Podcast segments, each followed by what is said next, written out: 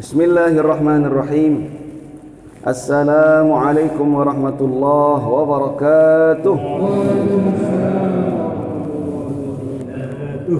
الحمد لله وكفى والصلاة والسلام على خير عباده المصطفى وعلى آله وصحبه الشرفاء ومن تبعهم وناصرهم بإحسان إلى يوم الدين أهل الصدق والوفاء أما بعد رب اشرح لي صدري ويسر لي أمري واحلل عقدة من لساني يفقه قولي يا فتاح افتح لنا يا عليم علمنا Hadirin jamaah salat subuh Masjid Jannatul Naim yang senantiasa dimuliakan dan dijaga oleh Allah Subhanahu wa taala.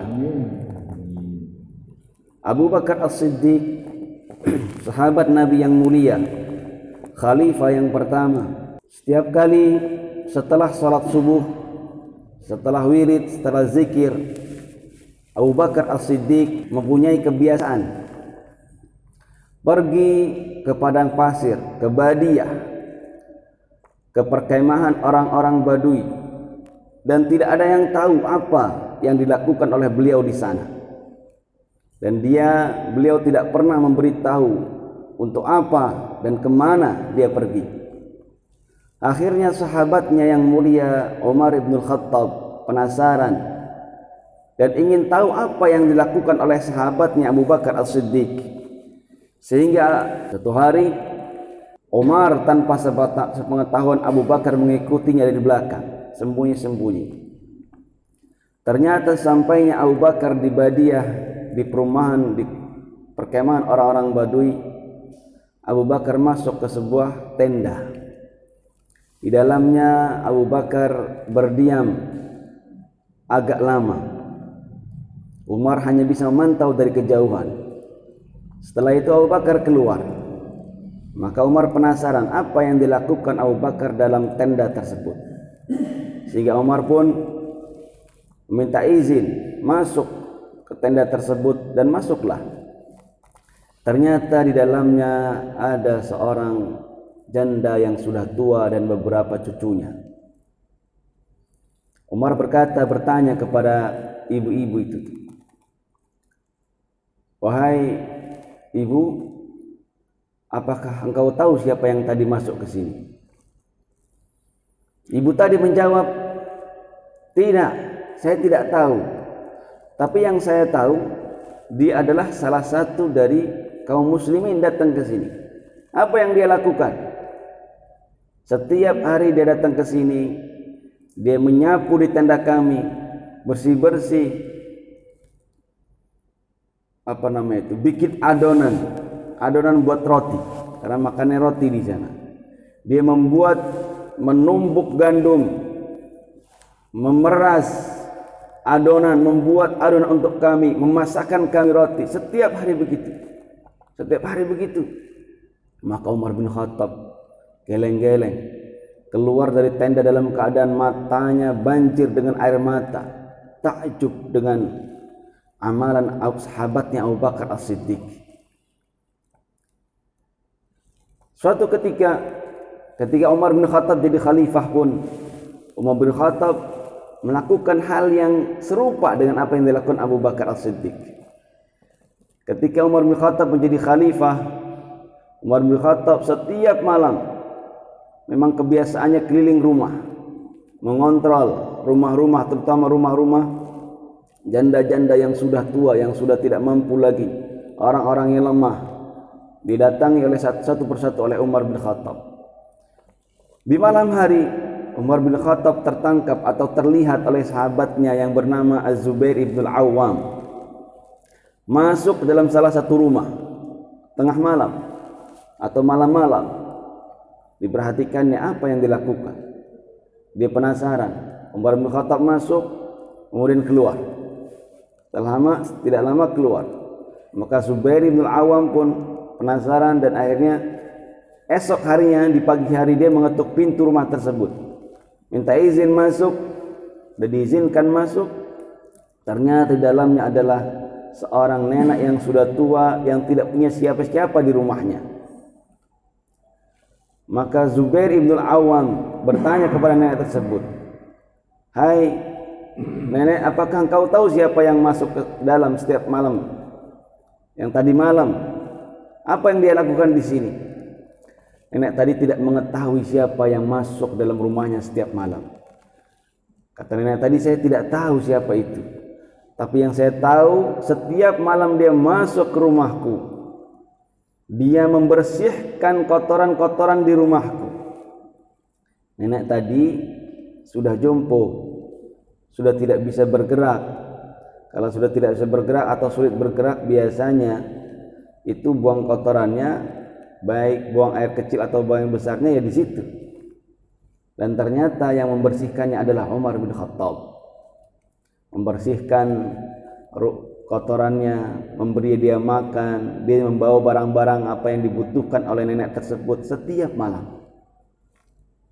Subhanallah. Ali Zainal Abidin. Ada juga seorang kisah Ali Zainal Abidin. Siapa itu? Ali bin Hussein bin Ali. Ali bin Hussein bin Ali ibni Abi Talib. Ini cucu atau cicitnya Rasulullah sallallahu alaihi wasallam. Anak dari Fatimah bernama Hussein. Hussein punya anak namanya Ali lagi.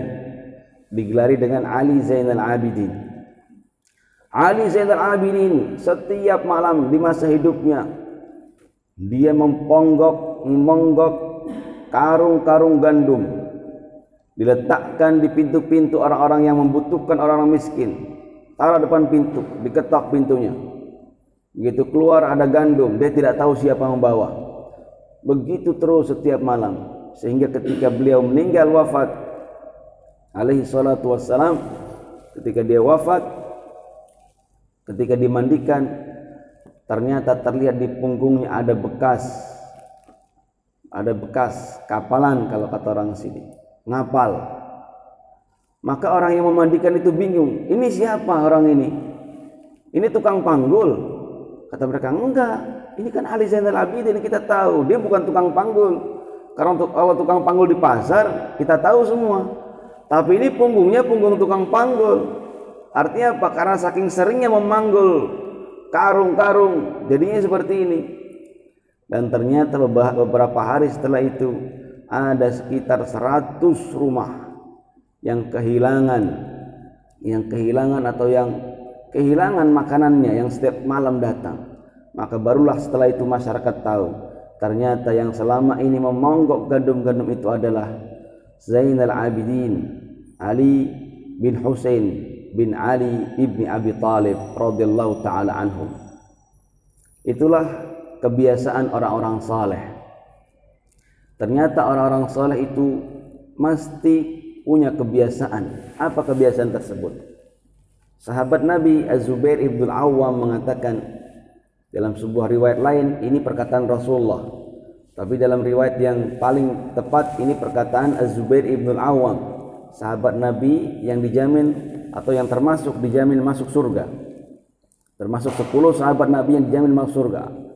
Beliau berkata, Man istata'a minkum ayyakuna lahu khab'un min 'amalin salihin falyaf'al. Barang siapa di antara kalian bisa memiliki rahasia dari amal saleh, maka lakukanlah. Saya ulangi, barang siapa di antara kalian yang mampu melakukan rahasia daripada amal saleh, falyaf'al, maka lakukanlah. Karena apa? karena setiap amalan kita yang tampak di depan mata manusia sangat rentan sekali untuk pudar pahalanya sangat rentan sekali untuk hilang pahalanya barangkali nanti jika di hari kiamat ternyata semua amalan yang tampak di mata manusia itu tidak terima oleh tidak diterima oleh Allah Subhanahu wa taala maka setidaknya amalan rahasia tadi yang benar-benar tidak ada yang tahu kecuali kita dan Allah Subhanahu wa taala itulah yang Allah terima. Faman kana yarju liqa'a rabbi falyamal amalan salihah. Barang siapa yang mengharapkan bertemu Tuhannya, menghadap Tuhannya dalam keadaan terbaik di surga Allah Subhanahu wa taala, falyamal amalan salihah. Maka hendaklah dia melakukan amalan saleh. Tetapi syaratnya wala yusyriku biibadati rabbih ahada maka tidak boleh syaratnya syaratnya dia tidak melakukan kesyirikan syirik artinya apa melakukan ibadah kepada selain Allah beribadah meskipun zahirnya salat zahirnya wirid zahirnya puasa haji umrah tapi barangkali dalam hatinya ada terdetik untuk dilihat manusia, didengar manusia, dipuji manusia. Rasulullah sallallahu alaihi wasallam dalam sebuah hadisnya riwayat Al-Bazzar mengatakan inna minasyirki ma huwa akhfa min dabibin namal. Kita kadang-kadang merasa diri kita ikhlas ketika melakukan pekerjaan. Tapi sebenarnya ketika dites itu enggak ikhlas dites dulu. Kita ini kalau melakukan amal bisa dites. Nah, gimana cara ngetesnya? Kita umpamakan yang biasa terlihat kita melakukan amal di depan manusia, kita coba seandainya ini saya lakukan tanpa dilihat siapa pun, ada nggak yang berubah? Kalau ke masjid, salat qobliyah, salat ba'diyah. Tapi kalau di rumah, qobliyah ba'diyah enggak? Ah, jangan-jangan ini, jangan-jangan dalam hati kita ada keinginan dilihat orang atau rasa takut dilihat nah, kita nggak tahu. Itu cara kita mengetes amal kita. Selama ini kalau melakukan amal baik dipuji, masya Allah, masya Allah. Coba kita tes. Seandainya kita malah sebaliknya dicaci, akankah tetap kita melakukan amal tersebut atau kita senang dengan amal tersebut? Itu bagian daripada ujiannya. Maka kata Rasulullah SAW, Inna minasyirki. Sebagian daripada dosa syirik itu ma huwa akhfa. Ada yang lebih samar. Min dabibin naml dari dabibun naml dabib itu artinya jalan pelan-pelan kalau jalan biasa masyayamshi dalam bahasa Arabnya masyu tapi kalau dabib itu jalan pelan-pelan mindik mindik-mindik kalau kata orang sekarang itu mindik-mindik Mindik-mindiknya apa? An-namal, semut. Salah satu sebagian dosa syirik kata Rasulullah ada yang lebih samar daripada jalannya semut yang pelan-pelan. Semut itu lari pun kita nggak dengar suaranya. Ini kata Rasulullah SAW, semut jalan pelan-pelan, kita bisa dengar nggak? Nggak bisa dengar. Artinya apa? Kadang kita melakukan amal soleh, kita yakin kita itu ikhlas. Kita tuh pede kalau kita itu ikhlas. Tapi ternyata di balik itu kalau kita kupas lagi, kupas lagi dengan ujian dites, dites, tes diri kita. Ternyata, oh ternyata masih belum ikhlas. Maka dianjurkan oleh sahabat Nabi Az-Zubair ibn Awam dan tentunya itu ajaran Rasulullah sallallahu alaihi wasallam dan dilakukan oleh orang-orang soleh agar kita memiliki rahasia dari amalan soleh yang tidak diketahui siapa pun kecuali antara kita dan Allah Subhanahu wa taala. Itulah barangkali nanti menjadi penyelamat kita kelak saat menghadap Allah Subhanahu wa taala di hari perhitungan, di hari pembalasan. Aku qauli hadza kita berdoa kepada Allah Subhanahu wa taala. Semoga Allah Subhanahu wa taala menganugerahkan kepada kita keikhlasan dan memberikan kepada kita al-qabul menerima amal-amal soleh kita yang kecil ataupun yang besar. Dan apabila ada kesyirikan ada ria ada sumah di dalamnya semoga Allah maafkan semoga Allah berkenan untuk menerimanya dan kita berdoa untuk saudara-saudara kita yang sakit yang tertimpa musibah yang terkena cobaan dan kita berdoa juga untuk kita semua agar terhindar dari mara bahaya dan musibah dan semoga Allah Subhanahu wa taala mengangkat musibah ini dari muka bumi Indonesia dan dari seluruh negara-negara umat Islam. Ala hadiniya wa ala kutin salihah ila hadratin Nabi Mustafa Rasulullah sallallahu alaihi wasallam. الفاتحة.